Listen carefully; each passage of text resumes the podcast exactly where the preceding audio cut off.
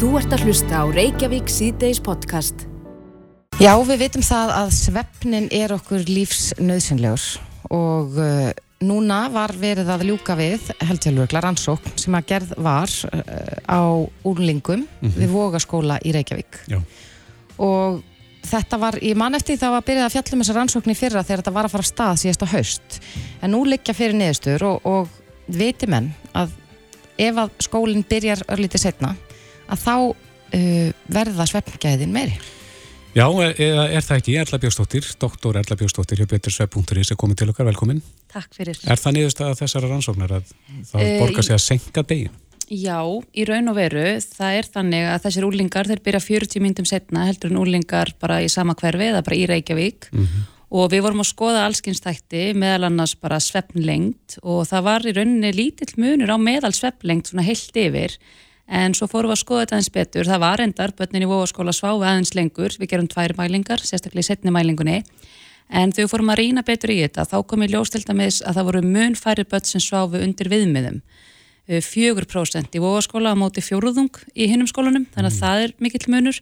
Og svo sáum við líka að það var mjög mikill munur á því sem kallast klukkuþreita eða social jetlag og það er í raun og veru þegar að fólk bæti sér upp svefnum helgar uh, með því að sofa mikið. Það kemur sérst vannsvefta inn í helgina og sefur mun meira um helgar heldur en á virkumdögum. Er það mistök á maður að reyna að halda rútínu og Já. jafn mörgum klukkutími í svefni yfir alla vikuna? Já, það er mjög mikilvægt að hafa reglu og hafa þetta, svona, hafa þetta svolítið jaft yfir vikuna og við sjáum til dæmis eins og hjá úlingum að þá er svona sósjalt jektlag mjög algengt að þau eru illa kvíld á virkumdögum og koma þreyttin í helgin og sofa þá mikið.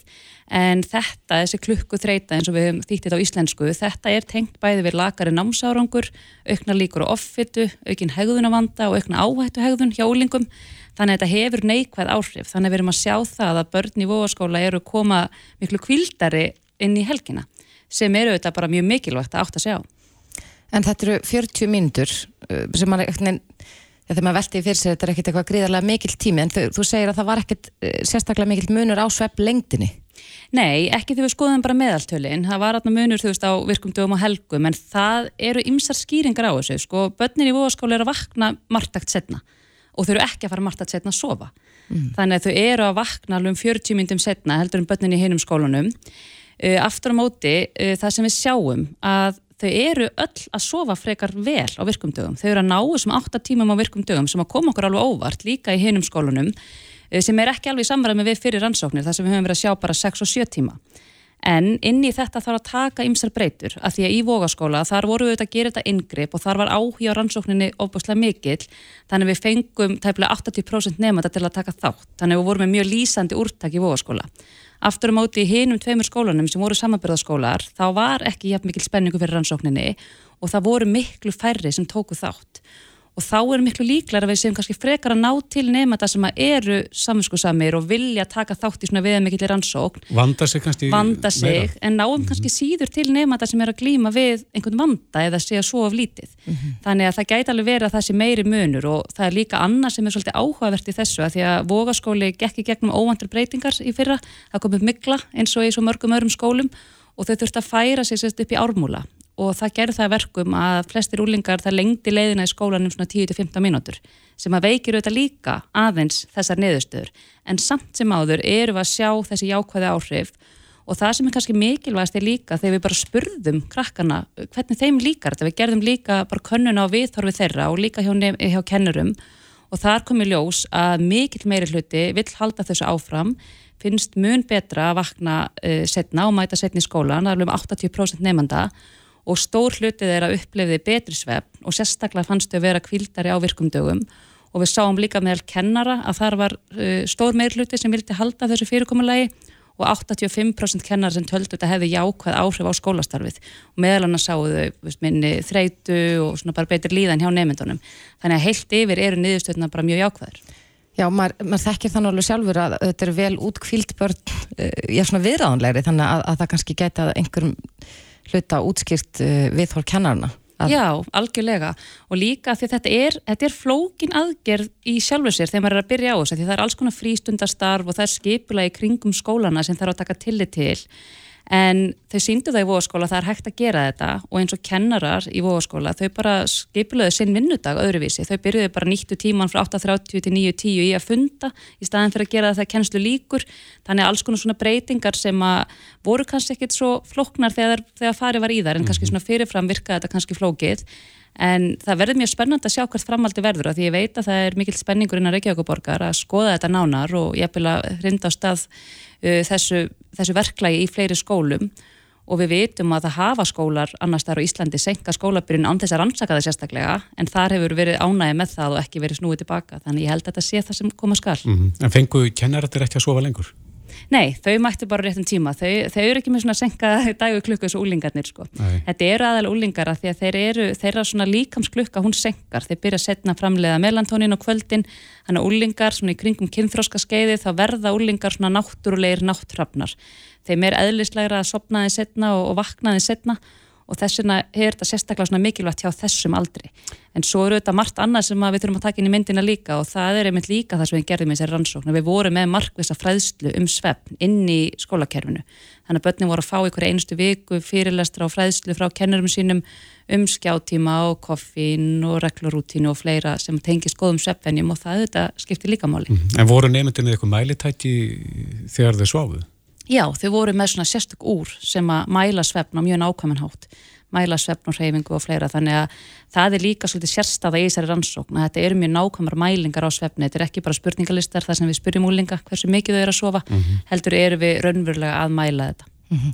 En, en, en já, framhaldið, þú talar um að það sé allavega einhver áhugi fyrir því að, að taka þetta upp í fleiri skólum, er við þá bara að hugsa um úlingasteg, ekki yngri steg í grunnskólum? Já, fyrst og fremst er það úlingastíða því þar sjáum við að þetta fyrir að breytast þar fyrir sveppandina aukast þannig að við erum að sjá að þetta sé helst kannski 8. 9. og 10. bekkur og í þessari rannsókn það voru við bara að rannsaka 10. bekk en það var allt úlingastíð sem að senkaði skólabyrjun og nú munum við þetta farið það að skoða fleiri gögn sem við eigum að því að bæði skólapúlsinn og rannsókn og greining þau leggja fyrir í öllum skólum landsins hvert einasta ár spurningar um svepp og nú verður svolítið áhugavert að sjá og bera saman til dæmis úlingan í vóaskóla, hvernig voru þau 2021 með, með við 2022 og 2023 af því að í rannsóknin sem við gerum núna voru við ekki með mælingu fyrir.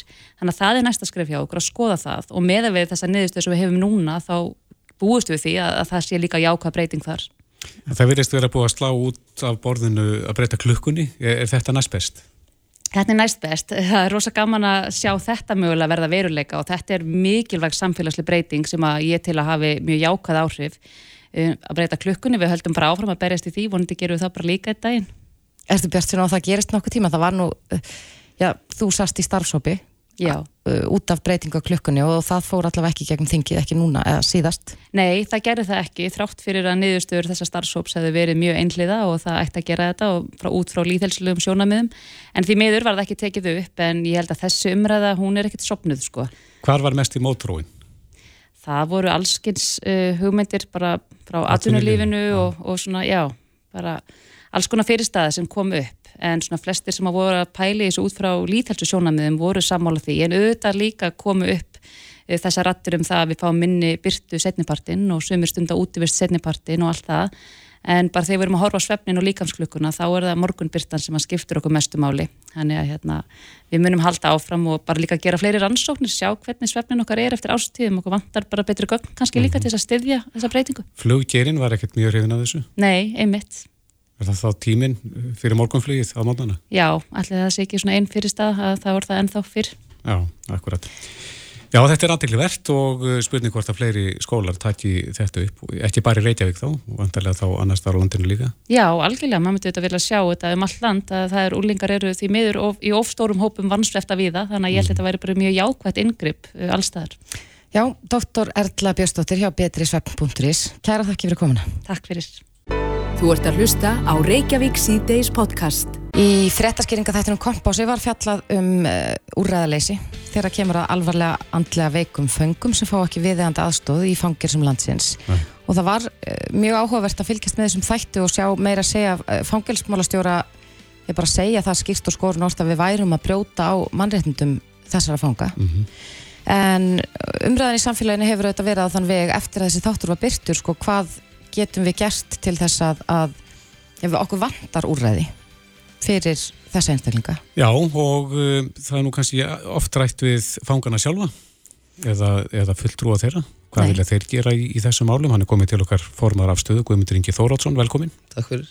Já, hvað leggjið þið til? Hvernig eiga þessi mál að vera þannig að þessi sti- staði vel aðeim? Já, við erum kannski kannski rótin að þessari umræðu líka svolítið, sko, þannig að við erum kannski líka hann á baku tjöldin að, að íta á, á umræðuna og komum þessu svolítið á stað. Uh, það má segja að þessi umræða hafi aldrei sleift hlutorinn svolítið í loftið núna og, og hérna það má þakka Elisabetu Ingu og, og, og stötu og hérna ykkur fyrir þessa umræðu sem, að, sem hefur verið mjög fagleg og óbúslega flott. Og hérna uh, og við sjáum að, að, að fólk er byrjað að tala saman og, og hérna teimi við stofnanir og stofnanir við ráðunetti og fólk kalla heim og fríum og annað undarfarið til að hérna, vinna í þessu málum. Þannig að við sjáum að það er eitthvað að gerast. Nú var dónsmálar á þeirra með hugmyndir sem hann kom með í dag. Uh, og þessar hugmyndir voru ekki til fyrir örfám vikum þannig, að, hérna, þannig að það er greinlega verið að vinna á öllum stöðum núna í þessum málum og það er alveg rétt hjá honum að úræðilisi hefur verið mikið og ólíðandi í raun og veru í mjög langa tíma, í raun og veru bara alltaf. Uh, það er svona algjörlega galin hugmynd að við séum að fara að setja hópa fólki í alls konar ástandi misveikum á einn stað í einhverja geimslu og, og, og hérna ætlast þess að það verði eitthvað uh, lægist við það. Hefur þú fengið eitthvað upplýsingar um, um sko, já, þessar tillögur sem að- að Jón Gunnarsson dómsmálur á þeirra uh, ætlaði að leggja fyrir ríkistjórn og gerði það mögulega, eða gerði það á morgun jafnvel, en hefur þú fengið eitthvað að vita hvað, hvað stendur í þessu plaggi? Nei, við höfum ekki fengið að vita hvað stendur í þessu, þessu plaki en við höfum átt fundi undarfarið með fangismálstofnun og geðhilsu teiminu og rauðakrossinum og fleirum varðandi þessi mál. Og ég held að séu allir á, á þá línu að, að það þurfi að fá í raun og veru aðstöðuna í fangilsin það er að segja kannski sjúkrahús fyrir veika fanga inn í fangilsi það er að sé sér deild eða sér sjúkrahús bara fyrir þetta. Með heilbriðis starfsfólki Já, þá? algjörlega, með fagfólki. Og, og, hérna, og það er svona verið að líta til til dæmis Norex þeir hafa kannski verið með smá svipaða vanda varandi þetta, varandi geðdildirnar sem, sem geðdildir hafa verið að neyta fólki að, að koma inn um föngum. Og þá brúðu þeir og þar á að, að, að hérna, uh, opna geðdild uh, geðdildir inn í fangilsunum og þeir opnuðu síðastu geðdildina bara núna 1. mæ í Íla fangilsunu í Noregi og það sem er úræði fyrir uh, sex fanga minni mig og hérna óbúslega flott úræði hugsa fyrir öllu og fagfólk í allar, all, öllum stöðum þar Mm. Komin ykkur einsla? já, já, það, það er komið reynsla á þetta og, og, og við náttúrulega eigum eftir að fylgjast með þessu úræði sérstaklega örgulega, þetta er það úræði sem við vorum að ræða til dæmis bara núna á síðasta fundi. Og, og höfum verið að skoða svona my- myndir frá og, höfum örgulega eftir að kynna okkur betur. En, en jú, auðvitað eh, eins og kom fram í þessum þá- þáttum og það eru einhvers staðar allt upp í átta einstaklingar hverju sinni sem eru það veikir að þeir þurfa sérstaklega þjónustu þurfa að vera kannski annar staðar ekki í blandi við aðra fang, sagt, uh, aðra fanga. Uh, en samt með öðrum. Þannig að hérna, okkar, okkar lenska hefur verið svolítið að einangra menn.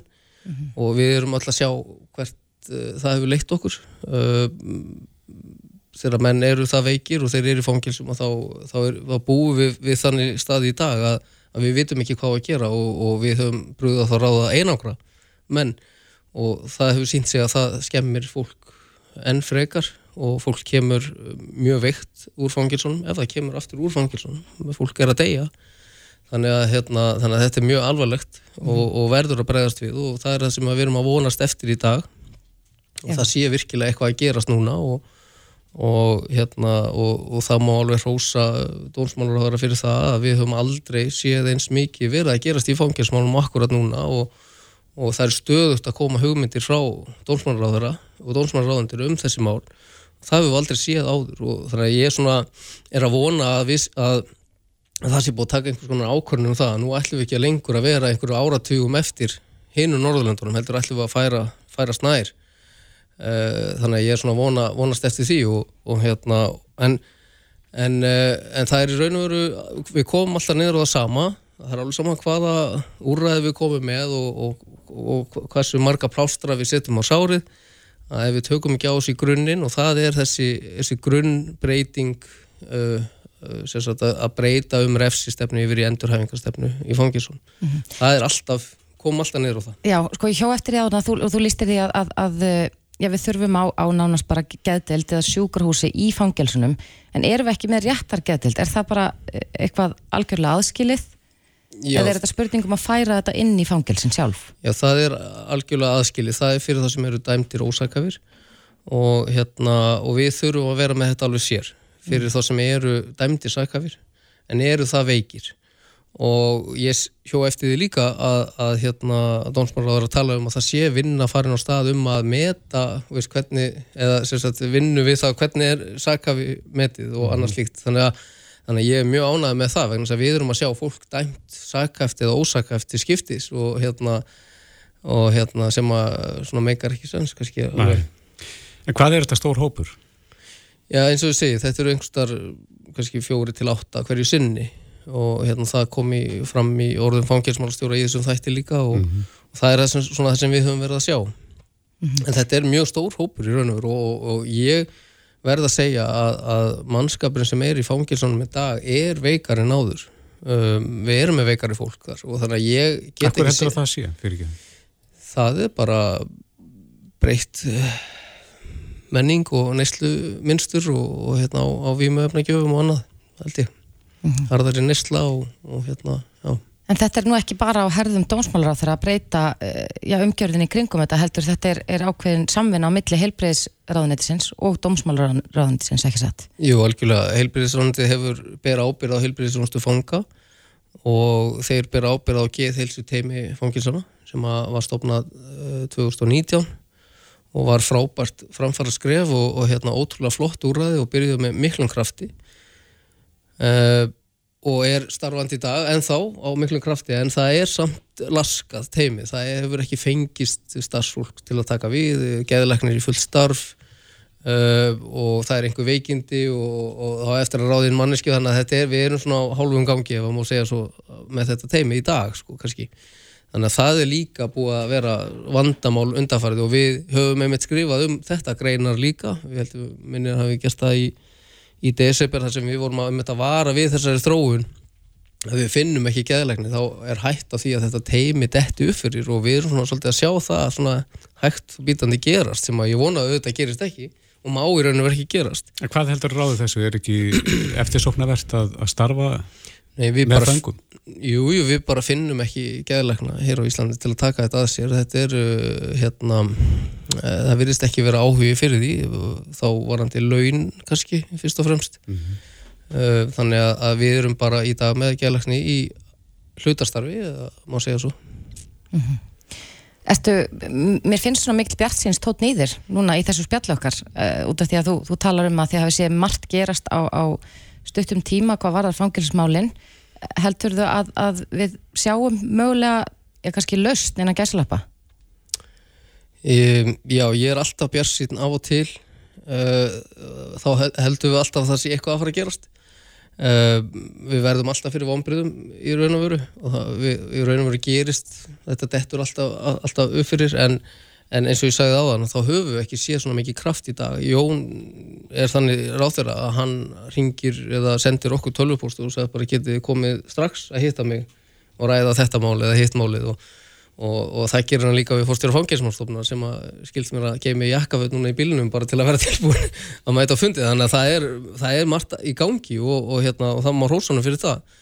Uh, þó að við séum kannski ekki sammóla eða, eða efus kannski um sumar hugmyndirnar að, að þá er allan að vera ræðamálin og það hefur bara aldrei gerst áður Mm. Og þið komið ykkar hugmyndum að framfæri við ráðina þannig að kannski er þær að finna í þessum tilugum sem hann allra kynna Já, það getur vel verið. Við höfum verið duglegir að senda honum okkar hugmyndir og ræða við hann og, og, og, og svona hvað okkur finnst og hvað þurfa að gera. Uh, við eigum líka ágæti samstarf við þá sem sjáum þessi mál í ráðanetinu í dag. Það hefur ekki alltaf verið þannig heldur. Og hérna, en, en á, mann ekki hvort það var síðasti fundi eða, eða þar síðasta þá og ég veit ekkert hvort ég má segja það hérna, en, en þá fekk ég hann til að lofa með því að taka upp að það er að taka upp hildar endurskoðuna og lögum um fullurstrefsinga með endurhæfingu í fókusin sagt, og hann lofaði því að, að það færi á stað þannig að ég vona að standi við það og, hérna, og, og það er þessi breyting sem við þurfum leið og við tökum þessa ákvörðun alþingi tekum þessa ákvörðun að breyta þessu kerfi þá erum við, hérna, þá getum við verið virkilega björnsýn. Ég eftir máli, hver er munurinn á því kerfi sem að þú sér fyrir þér, endurhæfingarkerfinu og því kerfi sem er nú til staðar? Já, við fækkum brota þólendum En hver, hver er munurinn á framkvæmt fullist? Já, þá erum við að, að þjálfa upp fólk, við erum að, að, hérna, við erum að þjálfa upp fólk og að það geti tekist á við lífið eftir áplánu, mm -hmm. að það læri eitthvað, komi með eitthvað úr áplánu í, far, í fartærskinu út og, og hérna uh, við höfum til dæmis bent á það bara það að ríkið veit, haldi námskeið í meira prófi til dæmis bara í fangisónu, það, það myndi gjössanlega breyta stöðu einstaklingsins þegar það kemur út í samfélagið aftur. Bara eitt slíkt námskið mm -hmm. þannig að hérna þannig að, að, en auðvitað þarf fleira til. Það þarf að taka á áföllum sem fólk hefur orðið fyrir lífinu og að lenda í fangelsi og, og, og hérna meðferðamálum og, og hérna svona ímislega sem þarf að taka á. Mér skilst nú að, að hérna, það sé verið að vinni því að ráða auka félagsákjafa núna í, í, hjá fanginsmálstofnun eða ég heyrði það einhverstar mm -hmm. þannig að það er líka, það er jákvæmt þannig að það er svona eitthvað að gerast Já, en erum við að gera þver öfugt núna? Er, erum við að í raun og veru að skila fólki aftur út í samfélagi verra ásökumulega en það var í áður en það fór inn? Já, já, algjörlega Í öllum tilvikum eða bara í tilvikum Nei, þessara? Nei, ég, ég vil meina að ég sé betri til dæmis en ég meina að það er einhverju tilfellum en ég get ekki séð að fanga vist eins og hún er í dag hjálpi fólki og, og, og þú þarfst að vera með mjög öflugt stert bakland til að náður á stryk mm -hmm. það er ekki sjálfgefið Nei. Já, það verður spennandi að sjá hvað, hvað leynist í þessu minnisblæði dónsmálaráþur en Guðmundur Ingi Þóratsson formaður afstöðu.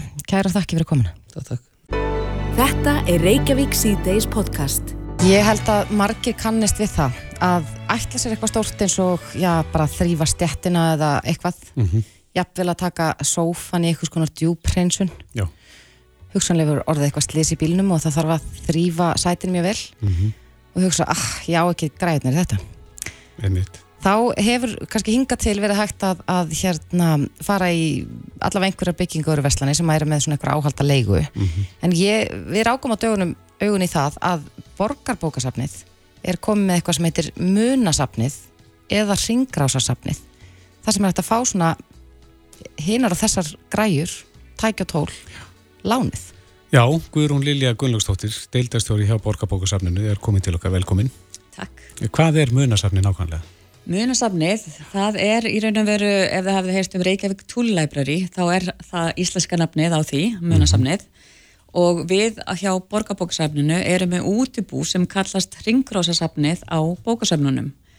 Og eins og í dag, þá erum við með svona sjálfsafgræsli skápa, þannig að þú getur bara komið á í bókusafnið í Grófinni og Gerðubergi, svo erum við að fara að setja upp skápa líka í Úlfarsordal og e, Kringlinni mm -hmm. núna bara í næstu tveim mánum og þú fengi lánuð alls konar e, tæki og tól.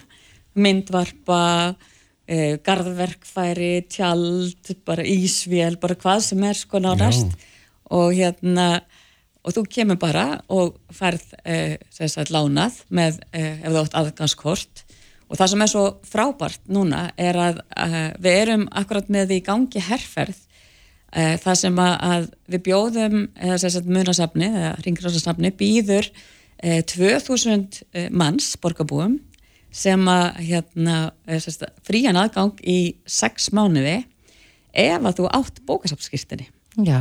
En ef þú átt ekki bókasafnskýstinni þá kemur þú bara og fær það hjá okkur, það kostar 2800, er ókjöfst náttúrulega fyrir 18 ára og yngri og 67 og eldri en, hérna, en ef þú átt það þá getur þú bara komið og fengið prófað ágengin frítt í, í hérna 6 mánuði.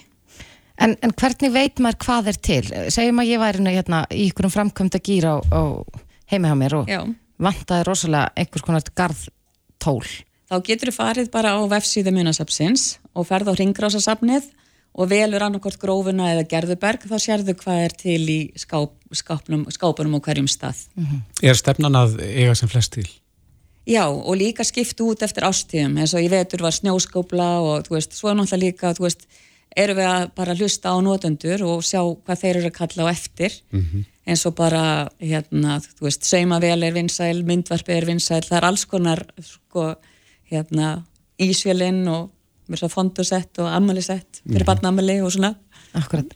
Ég velti fyrir mér hver, hver á hlutina? Er, er það, er, Það er eigu borgarbókasafsins eða geti ég komið og lánað ykkur sko, kraftvilna hún mína? Anna hjá munasafninu er algjörlega frábær og hérna, þetta er í raun og veru bara samstarfsverkefni þar sem að við hýsum þetta verkefni fyrir munasafnið og hérna, þarna er þá aðgengi í sálsafgrislu skápum og þetta er svona skápar sem að þau hjá munasafninu eru búin að hanna og hérna eru þá settir upp bara, það mjög auðvelt að e, bara, já, nálgast þetta á bókasafninu Já, en hver á munina? það er ringráðsasafnið Já. eða sem sagt munasafnið, já, ringráðsasafnið á þá og hvar fáið, ja, fær munasafni þessa gripi? þeir fá þá til dæmis gefins frá fólki sem að kannski á mörgverkvari stundum hefur verið keift eitthvað og það hefur hérna, þau líka sjá um viðfald e, þeirra muna sem að eru í skápunum. Þannig að þetta er í, raun og veru alveg frábært samstarf þarna á milli.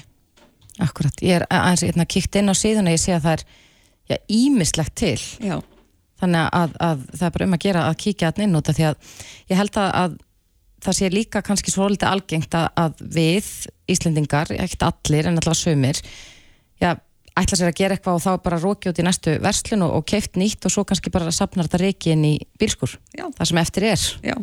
Og maður kannski notur það bara einu sinni eða tvisvara árið eða eitthvað. En þetta er bara svo frábært bara hvernig bókasöfnin er að breytast núna, þú veist, þetta er bara ein viðbót sem við erum komin með.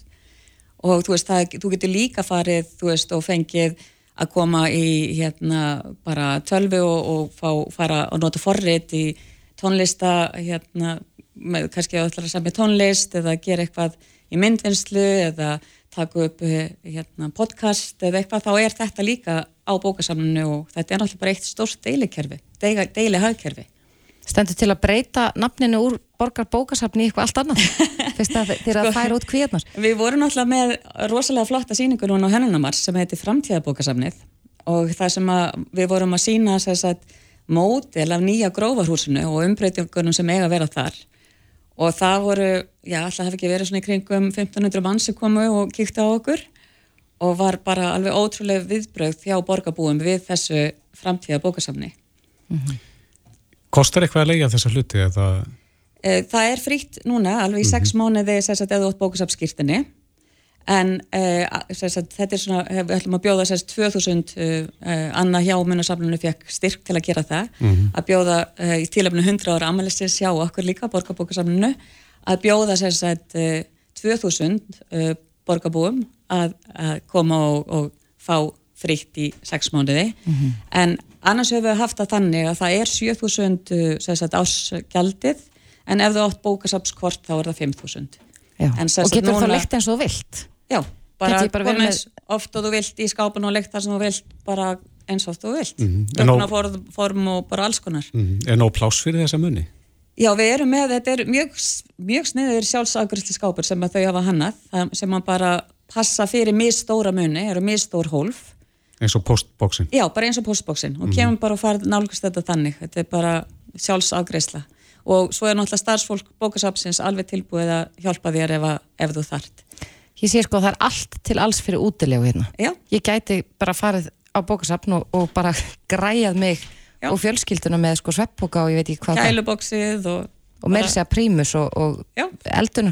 En er það bara eitt kælibóks og eitt tjald eða? Já, við erum náttúrulega að fjölga skápunum núna af því að við sjáum að þetta er að verða vinsætla og við byrjuðum með eitt skáp í grófinni, bættum svo við í Gerðubergi og svo erum að fara að bæta við fleirum.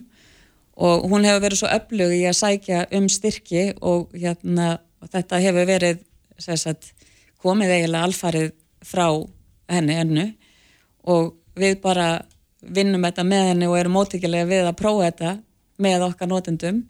Og það er bara gengur ótrúlega vel og fólk er að taka svo rosalega vel. Já, en þetta er auðvitað, uh, maður þarf að koma á opnartímum borgarbókasafsins, þannig að fólk sem vill í kvatísiskasti fara og, og mynda hérna keðjusög, að Já. þá þarf maður að býða.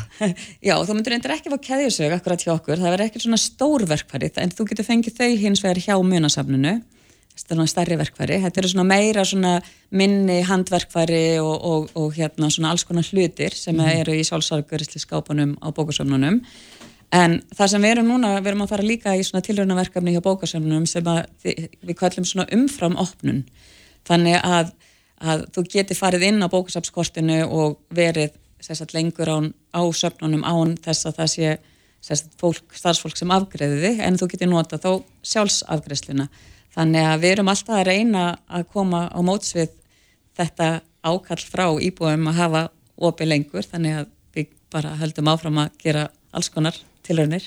Akkurat.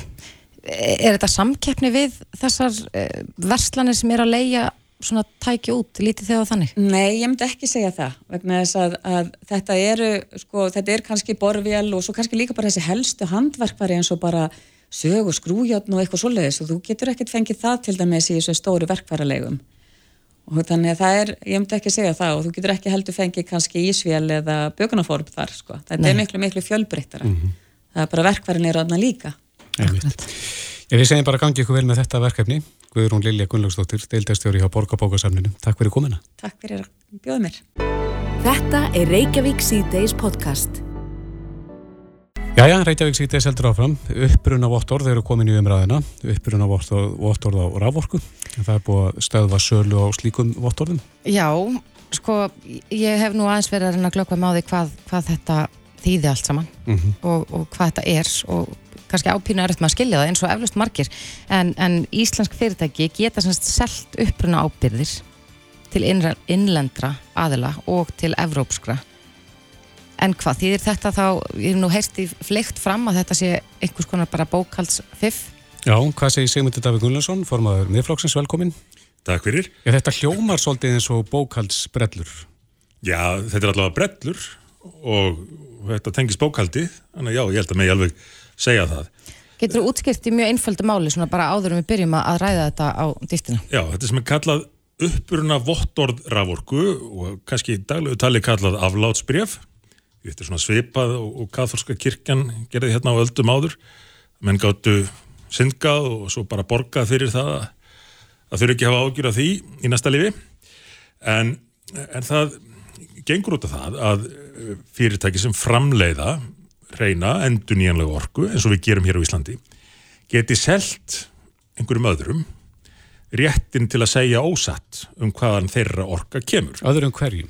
E, e, fyrirtækjum óraunar einstaklingum líka svona þeim sem er að nota orku mm -hmm. orku notendur ekki bara á Íslandi uh, hvað sem er í Evrópu geta verið að reka versmiðu og keira hann á, á kólabruna eða kólaorku og svo geta þeir bara keift réttin til þess að ljúa um það hvaðan orkan kemur. Og það er náttúrulega ekki gæfulegt þegar kerfi gengur út af það að þú getur keift réttin til að segja ósatt en svo þurfum við að borga fyrir að fá að segja satt. Og nú er það komið á daginn í þessu hér að uh, íslensk fyrirtæki hafa eins og það var gert í gegnum tíðina státa sig að því að vera að, vinna, vera að starfa hérna og framleiða í landi. Það sem að nánast 100% af orkunni raforkunni er framleita á enduníjanlegan umhverfisvannhátt og nú megaðu ekki segja þetta lengur nefn að borga sérstaklega fyrir að fá að segja satt. Og þá kemur upp þess, þetta mál núna að e, það séum einhvers konar tvítalningu að ræða. Vegna þess að einhverjir einhver fyrirtæki hér hafi leift sér að nefna það að þau væru starfandi hér á Íslandi sem er með endunlíðanlega orku og verið að nýta hana á þess að borga sérstaklega fyrir það. Og þetta er náttúrulega kerfi sem að gengur ekki upp að minn geti borgað fyrir að fá að ljúa og þurfa að borga fyrir að fá að segja satt. Uh, uh, Orgu málaráþurann sagði um þetta þegar var stoppað fyrir þessa sölu. Mm -hmm. Að grunur leki á því að fyrirtæki hér á landi segist nota græn orgu án þess að hafa kæft vottorð. Og þetta má sem sagt ekki núna. Það má ekki segja satt um hvaðan organ kemur. Einhverjir hlustundur kannast kannski við það að hafa séð á, á ramasreikningum hjá sér að svo, svo stórt hlutfall af orkunum sem kaupa sé framleitt með kólabruna eða ólíu eða kjarnorku. Það er út af þessu að farið að selja þennan rétt. Og við getum svona til þess að skýra þetta enn frekar getum búið til dæmi. Segjum sem svo að e, það veri verið að selja skýr um alla Evropu og skýr reyndar orðið vinsælt við það en menn getur keifti réttin til að segja að skýrið þeirra væri framleitt á Íslandi úr íslenskri mjölk en í raun væri það framleitt í Kvítarúslandi í einhverju vestmiðu þar.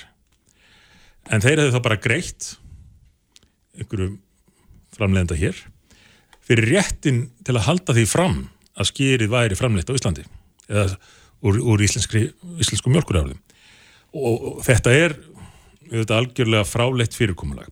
Kannski aðeins skiljanlegra í Evrópu þar sem að raforku markaður er að miklu leiti tengdur og þú veist töksanlega ekki alveg hvort orkan sem þú fegst kom úr uh, kólaveri eða uh, með endunlíðanlegri framleyslu að því að þetta blandast saman það fælið einhvað síður í sér ósanandi en það að gera þetta hérna á Íslandi sem, er, sem betur fyrir enn ekki tengt við uh, euróska raforkukerfið er, er fyrst með bara fráleitt. Og, og ekki bara því það, þetta snýst um ósanandi þetta er líka vegna verðmætana sem er þá verið að hafa af íslensku fyrirtækjum núna segja menn þetta getur verið 20 miljardar á ári sem við getum fengið til að selja fólki í annar staðar réttin á að ljúa og verðið á þessu hefur endar hækkað og hækkað og hækkað. En hvaðan er þessi verðmættið á tekin? Mennur að borga fyrir þetta þeir telli einhvers virðið að geta sagt að þeir séu að nota endur nýjum orku. Og þá verið að taka þann rétt af þeim sem að fjárfusti hér og byggðu hér upp aðtunustar sem í góðri trú eh, notandi þessa hreinorku, það megi ekki segja það lengur. Mm. Hver er, er grunnurinn að þessu? Af hverju fara með þessa leið?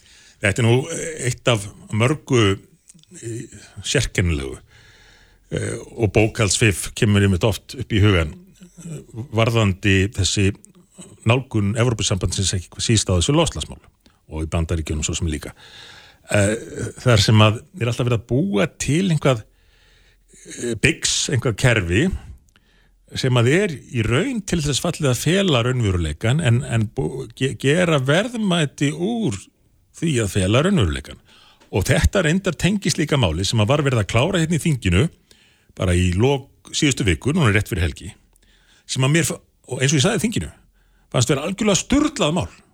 Brjálaðislega vittlust og skadalegt það vakti nánast enga aðtikli þetta voru Evrópureglur sem voru fluttar hérna einn og ég, ég þurfti nú að skrifa hjá mér hvað þetta heitir af því ég get ekki munað þetta. Þetta er, þetta er eitt af þessum nöfnum Evrópuregluna sem að sem er kannski ekkert mjög lýsandi fyrir innihaldið. En það heitir sjálfbærna sviði fjármála þjónustu og flokkunarkerfi fyrir sjálfbærar fjárfestingar. En það sem þetta þýðir er einhver 20 manna nefnd í Brussel á núna að meta það hvaða reglur gildi um fjárfestingar á Íslandi. Hvaða fjárfestingar teljist góðar í merkingunni grænar og hver er ekki. Og fjármálakerfið á Íslandi bankarnir, lífeyrisjóðunir tryggingarfélögin, fjárfestar þurfa allir að meta hverja eina fjárfestingu út frá þessari kríterju sem að kemur hérna aðsend frá Brussel. Og þetta mun hafa áhrif það hverjir fá lán hvaða lánin kosta hvaða fjárfestingar er ráðist í. Ef þetta hefði verið komið hérna áður þá hefði, hefði ekki verið byggð upp örglega álverinn sem eru helst að framlega okkar til, til loslasmála vel að merkja og hinn ymsi annar yðnaður ferðarþjónustan hún telst ekki endilega sérstaklega græn samkvæmt þessum viðmiðum. En með þessu er semst verið að færa vald frá samfélaginu á Íslandi, frá, frá þinginu, til einhverja 20 mannan geta verið aktivistar eða hvað er í einhverju herbergi í Brussel sem ætla að skilgreina það í hverju er að fjárfesta á Íslandi. Mm -hmm. Og þetta getur hatt alveg sérlega skadalega áhrif fyrir landsbyðina hér, af því hvað eru menn að gera á landsbyðinu á Íslandi? Þeir eru að framleiða verðmætti, þeir eru að búa til raunverulega hluti. Og það losar óhjákvæmulega einhvað af gróðræsolaftegundum en er það ekki okkar að meta hvað á byggju upp og hvað ekki? Já, rétt aðeins í lokin segmyndar þegar hún nefndir að það væri að koma fram á reikningum uh, kólanótkun og, kjarnálk og slíkt uh, færist það inn á bókaldið á móti þegar við seljum upprunaváttur út? Já. fáum við það eitthvað í staðin í bókaldið okkar. Það sem að, það sem, að því að nú má ekki lengur segja satt sko, þá af því að þessir, þessir tjónustu veitindur sem er að selja ráorkuna hvort sem það er já, hver, hver sem það er í þessu tilviki er ekki búin að kaupa er ekki búin að kaupa réttin á að segja hvaðan ráorkun kom í raun og veru. Hann kom bara hérna úr virkjunum á Íslandi. En viðkomandi er ekki búin að borga fyrir það að fá að segja sannleikan þannig að hann verður að segja ósatt og halda því fram að hann sé að selja orku sem er framleiti í kjarnorkuveri eða með því að brenna kól og þetta er ekki gott fyrir Ísland finnst mér að því að við höfum nú markasett okkur og fyrirtæki sem hafa fjárfestir og byggt hérna upp markasett sig sem fyrirtæki sem er að starfa í, í landi hreitnar orku.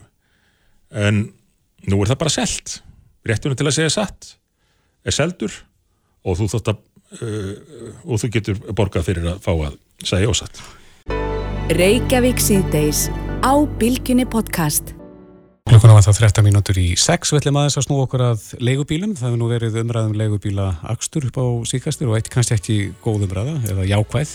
Nei, þetta hefur verið uh, í dágóðan tíma umræðu um, um bara leigubílamarkaðin sem slíkan og leigubílstjórar margir hverjir eru mjög ósátti með stöðuna. Nú já, er búið að samþykja leigubílafrömmvarp Sigur Inga mm. uh, samgöngur á þeirra það sem verður svona aðeins meira frjálsræði. Já, og formaðið frama er, er ekki sáttu við það og hefur talað um að þessi stjáltæki sem að fólk er farið að geta pantað bíla með síðan verkværi djöfulsins. Já, en við rákumst á, á mjög skemmtilt viðtal í morgunblæðinu þar sem að, já, einn legubílstöri hefur svona, má segja, snúið vörn í sók mm -hmm. og það er hann Marius Silva Helgason hjá Rippli sem er sestur hérna hjá okkur, kom til sæl. Já, kom það einn. Já, eins og, eins og þú verður eflust tekið eftir þá er umræðan um, um legubílamarkaðin verið ansi hatrömm. Já, það er svona, ef við heyrst meira þeir sem eru neikvæðir heldur þeir sem eru jákvæðir. Já, en og þú... Hérna, ég held að sé fyrst og fremst að það mennir bara, það er bara áhugifullir af hvernig þeir eiga að ná endur saman. Mm -hmm. Sem er skiljanlegt. Álægið er náttúrulega mest á mótnarna og, og setnipartir og náttúrulega nóttunum helgar þegar að allir vilja bíla á sama tíma og, og íslitingar ekki mjög þólum að er að bíða allir bíl. Mm -hmm. og ég skilði það vel þegar fólk býður nýri í bæ og, og, og það er rikningi að slita og, það vil, það er hverki streyt á skíli eða gott skíli til að býða í. Þannig ég skilði það vel en, en hérna ég hef ekki ágjörðað að verði algjör sprengja, núna, sprengja í þessu núna eftir að þessu var breytt. Þannig að hérna það er ekki hlaupið að því að fara að kera legubíl þetta er rosalega dýrt Dýrt þá fyrir bílstjórun sjálfan? Já, þú þarfst að náttúrulega finna í bíl sem að þú getur treyst á. Þú getur, þetta stendur ekki undir sem verður með bíl sem er alltaf á vextæði þú þarfst að tryggja bílinn. Það er bara 50 krónir greiðslar á mánu í tryggingar. Mm -hmm. og það er, er hérna það er svo margt sem að uh, þetta kostar. Ef þú fer að keira fyrir eitthvað fyrirtæki sem er að taka 18 eða 20% af innkominni ef þú fer að klippa í börstu allt sem þú þarfst að sjá eftir þá, þá er, ég veit ekki hvernig við komum alltaf að lifa af ef að lendir bara einu óhafið að bílinn fer á, á vextæði hálf miljónu viðgerð, það, þá er bara farin sko megna á mánuðinu. Eh, þú talar um það að eh, fyrirtæki tækja 18% af hagnaðinum. Ertu þá að tala um fyrirtæki svo Uber sem hefur nú verið talað um að sjá leiðin inn á markaðin? Hvað er það 18-20%? Hvað er 1,5 miljón kannski og þú ert að vinna 12-14-16 tíma á dag? Þegar, vatn, þegar ég vaknaði í dag, þegar ég var að byrja, þá vissi ég ekki hvort að er þið mikið að gera í dag. Mm -hmm eða mikið að gera morgun, þú veist aldrei hver innkoman er Er, er ótti hjá bílstjórum að, að Uber sé að koma inn á markaðin? Ég, ég, ég veit ekki, Jó, hjá einhverjum mm -hmm. ég held að menn hafi bara ágjörðið að fara í vittlisu Hvernig þá? Það er til dæmis, það verist verið hægt að að hérna Daniel, vinnur okkur á frama mm -hmm hann er með eina góða hugmynd að, að sá bíl sem að verður leigubíl og er, verður skráður sem leigubíl og, og treyður sem leigubíl að þessi kerfi sem fylgis með því að þetta fari sína leið að við séum þá með sér lit á númurablötum mm.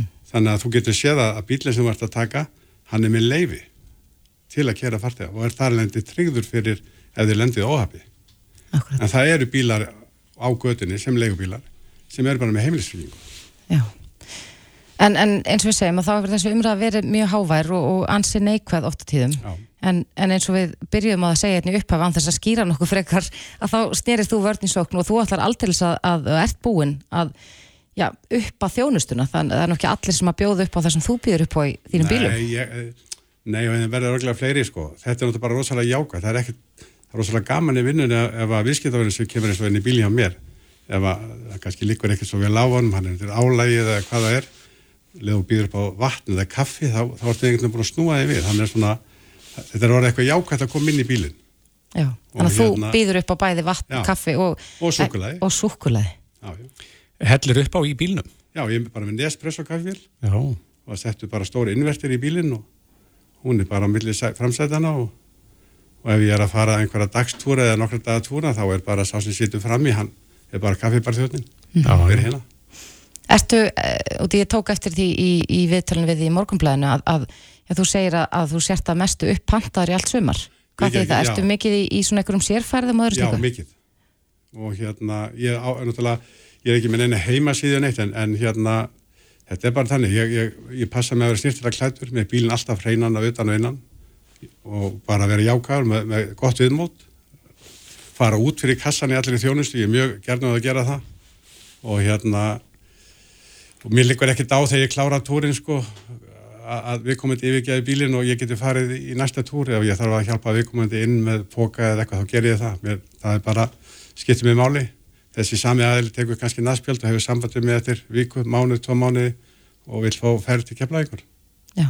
þannig að þetta er bara að vera með mikla þjónustulund og, og hérna og það eru margir bílstórar alveg svo ég, þó ég segi ekki með kaffivél. Menn er að leggja sér fram og ég segi bara fyrir mig ég hef ekki ágjörða sjálfur mér. Ég, ég, hérna, ég hef meiri nóg að gera. Já. og ég hef mikið að fara að sækja fjölskyldu til kefla ykkur eins og núna í enda uh, mánar eins og fara í 5-6 staða túra. Hvernig bregst fólk við því þegar það kemur inn í bílinn og það er kaffivél í bílinn? það er uh, bara 99% fyrst fólk geta æðislegt og skemmtileg tilbreytni og, og, og útlýtingar er alveg sérstaklega hérna þessu, amerikanir þannig að ég, þetta er mikið myndað og tekið vídeo og, og spurt hvernig þetta er gert og, og þetta ætla ég að gera þegar ég kem heim til, aftur til bandaríkjana og ég ætla að setja þetta í eppa minn og, þannig að þetta er mjög jákvæmt En sko, út af því að ef maður hugsa um, um já, bara bakkar nokkur ára aftur í tíma þá lið mér eins og flestir leigubílar hafi verið bara því líku luxuskerfurnar og alltaf svo snirtilegt. Er það aðeins á undanhaldið? Nei, e- sko, nei, mér, mér finnst flesti vera, menn eru konið á ramarsbíla, menn eru konið á mjög dýra bíla, bensa og bens víklas og, og, og aðra bíla sem að, þetta er náttúrulega mjög dýrt, dýrt að vilja vera á góðum og, ný, og fallegum bíl, en svo er náttúrulega einanum, ég hugsa að verði kannski svo leiðis núna að sá sem er að fara að byrja, hann hefur ekki efnaðið að fara að kaupa sér 10, 12, 14 miljonar bíl. Þannig að menn byrja ódýrt og, og, og, og, og hérna já, ég hugsa að verði, verði svolítið um það að verði svona ég er ekki að segja að það er ekkert að vera gömlu bíl ef hann lítur vel út og þú nummer eitt bara að vera snirtilegur Er leigubíl- Það er mjög góðu þó ef hann er bara hérna og fín Mm Er leigubílum að fækka? Nei, ég held ekki. Nei, ég mér heyrist um daginn að menn sér að bæti menn sér að taka út leifin sín og fara að gera. Nú, nú getur það kert lengur eftir, eftir, eftir þessar breytingar. Þú þarft ekki að hætta 76 ára þú getur kert lengur. Já. En heldur að, að þessar breytingar, og nú var nú gríðarlega mikið fjallað um það hérna eh, bæði í heimsfaraldri og eftir að, að það var erfitt. Já. ég hef upplöðað á eigin skinni að standa ykkur þar í blindbíl og, fá bara ekki bíl. Heldur að, að þetta verði til hagspota fyrir notendur, sérstaklega kannski svona um kvöld og helgar þegar að, já, sem flestir uh, eru ekki aukuhæfa ástandi. Ég hugsa það, e, e, svona, e, ef, að, ef að verður eitthvað um það sem að ég hugsa verði eitthvað núna til að byrja með, að menn sjá að reiknistæmi gengur ekki upp, að, menn fara að keira svona, uh, þú kaupir í bíl, þú mátt skrá hann og vera bara þinn, með þinn leigubíl, þarfst ekki vera á stöð, að, að þetta þá væri fleiri bílar að vinna um nóttina um, um helgar. Þegar þú ert að byrja í þessari vinnu þá þarftu bara að vera vinna föstudags og eil- þetta er, ég seti þessi vinna alla daga, ef þú ætlar að hafa eitthvað út úr þessu til að geta endur nýja stað undir kostnaði og þú þarft að leggja fyrir. Já. Það er bara svona þess. En kaffivélinn, hún hefur vætið mest aðtilli. Já, já. Getur þú bætt eitthvað, við? Ég Vinnvitingarleifi eða? Ég, er- ég, fyrsta sem ég gerði var að láta hljóða einhverjum bílinn. Já. Þannig að... Getur sett græðurnir í bótt? það er, neða, þetta er bara mikið þægindi að þegar ég keir og er að gæta fólk að, að ég þarf ekki að vera með eitthvað í andleitunni og, öskra yfir hópin, ég er bara að tala eins og ég er að tala við ykkur Já, já. og fólk, og þetta bæði fyrir kunnan og svo fyrir mig þegar ég kem heim eftir kannski 12-14 tíma vakt Mhm. Þá er ég ekki svona búinn á því að ég losna við við hérna öll umhverfislóð sem er að koma inn í bílana dagstæðlega. Já, Ég sitt bara í kyrðinni. akkurat. En hvernig er þetta að bóka þig? Ég held að það sé nú örgla margir að hlusta núna sem bara vilja ólmir fá að setjast upp í hjá þér og, og fá sér súkulæðmól á kaffeisvopa. Já, Það er stóra ég, spurningin. ég, er- ég er svolítið róli í þessu, ég, svo segja ég líka, ég var, að passa að ég hafi ekki ómikið að gera, því að hérna, þá lendir maður bara í álægi, sko, en það er, ég ætla bara að benda á reyfil, sko, þeir eru, fólk, fólk getur hringt og panta stóran bíl, stationbíl, svartan bens, lítinn bíl, Kaffibíl. og fólk getur bara spurst fyrir, er möguleiki að fá þennan bíl, Já. það, það er, ég, ég, ég held að það sé best að hafa það svoleiðis. Já, ég hef, hef uh, nóg af samböndum sem að bæði tölvupost og sem er hýndir í mig þannig að ég ætla ekkert að bæta því vinnum sko. Þú ert með sérstöðu í þessu og bara vel gert að snúa vörni svo. Marius uh, Silva Helgason, leigubílstjóri. Kærar þakki fyrir komuna og gangiði vel. Já, takk hjá Hlustaðu hvena sem er á Reykjavík C-Days podcast.